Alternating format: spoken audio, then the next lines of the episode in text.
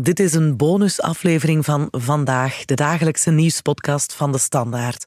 We laten u in deze vakantieperiode graag even kennis maken met Nele van den Broek.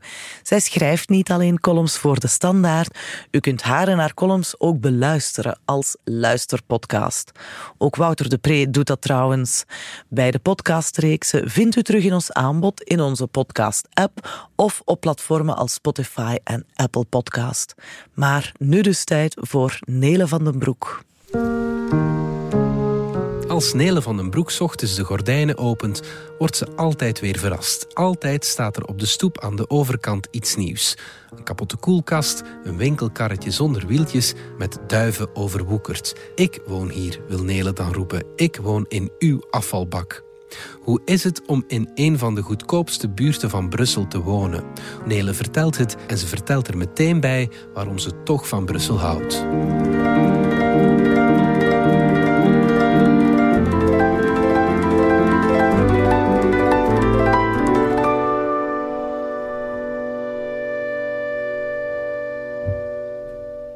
Ik ben in een toxische relatie beland.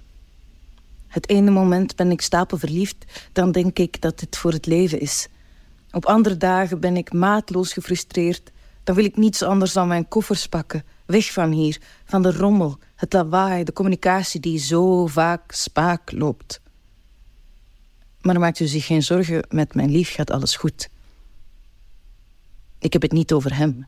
Ik heb het over haar. Brussel. De stad waar ik woon die prachtige tang. In deze krant las ik een artikel over hoe steeds meer mensen van Brussel naar de andere gewesten verhuizen. Dergelijk nieuws lees ik altijd met een opgetrokken wenkbrauw.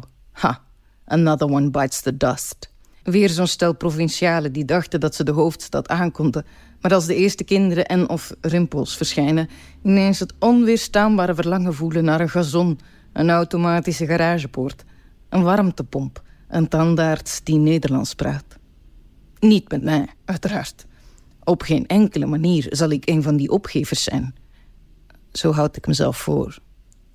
Als iedereen uit Brussel wegtrekt, wie blijft er dan over om de woningen te renoveren, de straten te vergroenen, het tandplak te verwijderen? Het Brussels gewest heeft zoveel potentieel, maar je moet je ogen bijna dichtknijpen om het te kunnen zien.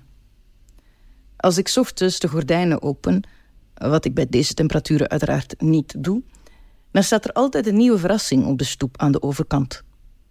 Een kapotte koelkast, een winkelkarretje zonder wieltjes, een hoop broden met duiven overwoekerd. Elke dag is het weer spannend. Welk zwerfvuil werd er vannacht in onze straat gedumpt? Ooit zag ik een vrouw parkeren in de laad- en loszone voor mijn huis, een plastic zak vol afval legen tegen onze enige straatboom en weer vertrekken. Ik heb me nog nooit zo machteloos en moorddadig tegelijkertijd gevoeld. Maar ik woon hier, wou ik schreeuwen. Ik woon hier, in uw afvalbak. Als ik naar de metro wandel, dan is het file lopen op een benauwend voetpad. Nauwelijks meer dan een richel tussen huizen en auto's.